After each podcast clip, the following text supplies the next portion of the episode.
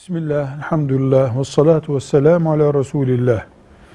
Bir Müslüman iş yerinde iş sahibi yasaklıyor diye farz namazlarını terk edemez.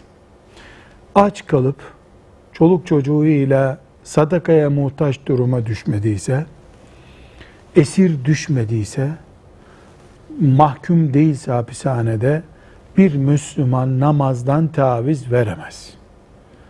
Namazı en azından farzlarıyla kılacak. Farz namazları iş yerinde de olsa kılmayı yasaklayan bir iş yerinde Müslüman çalışmayacak. Bunun tavizi yok. Bunu konuşamayız. Çünkü namaz dinin direğidir. Müslümanın namazı olmasa dini olmaz. Dini olmadıkça bir Müslüman hayatı niye var kabul edecek? Velhamdülillahi Rabbil Alemin.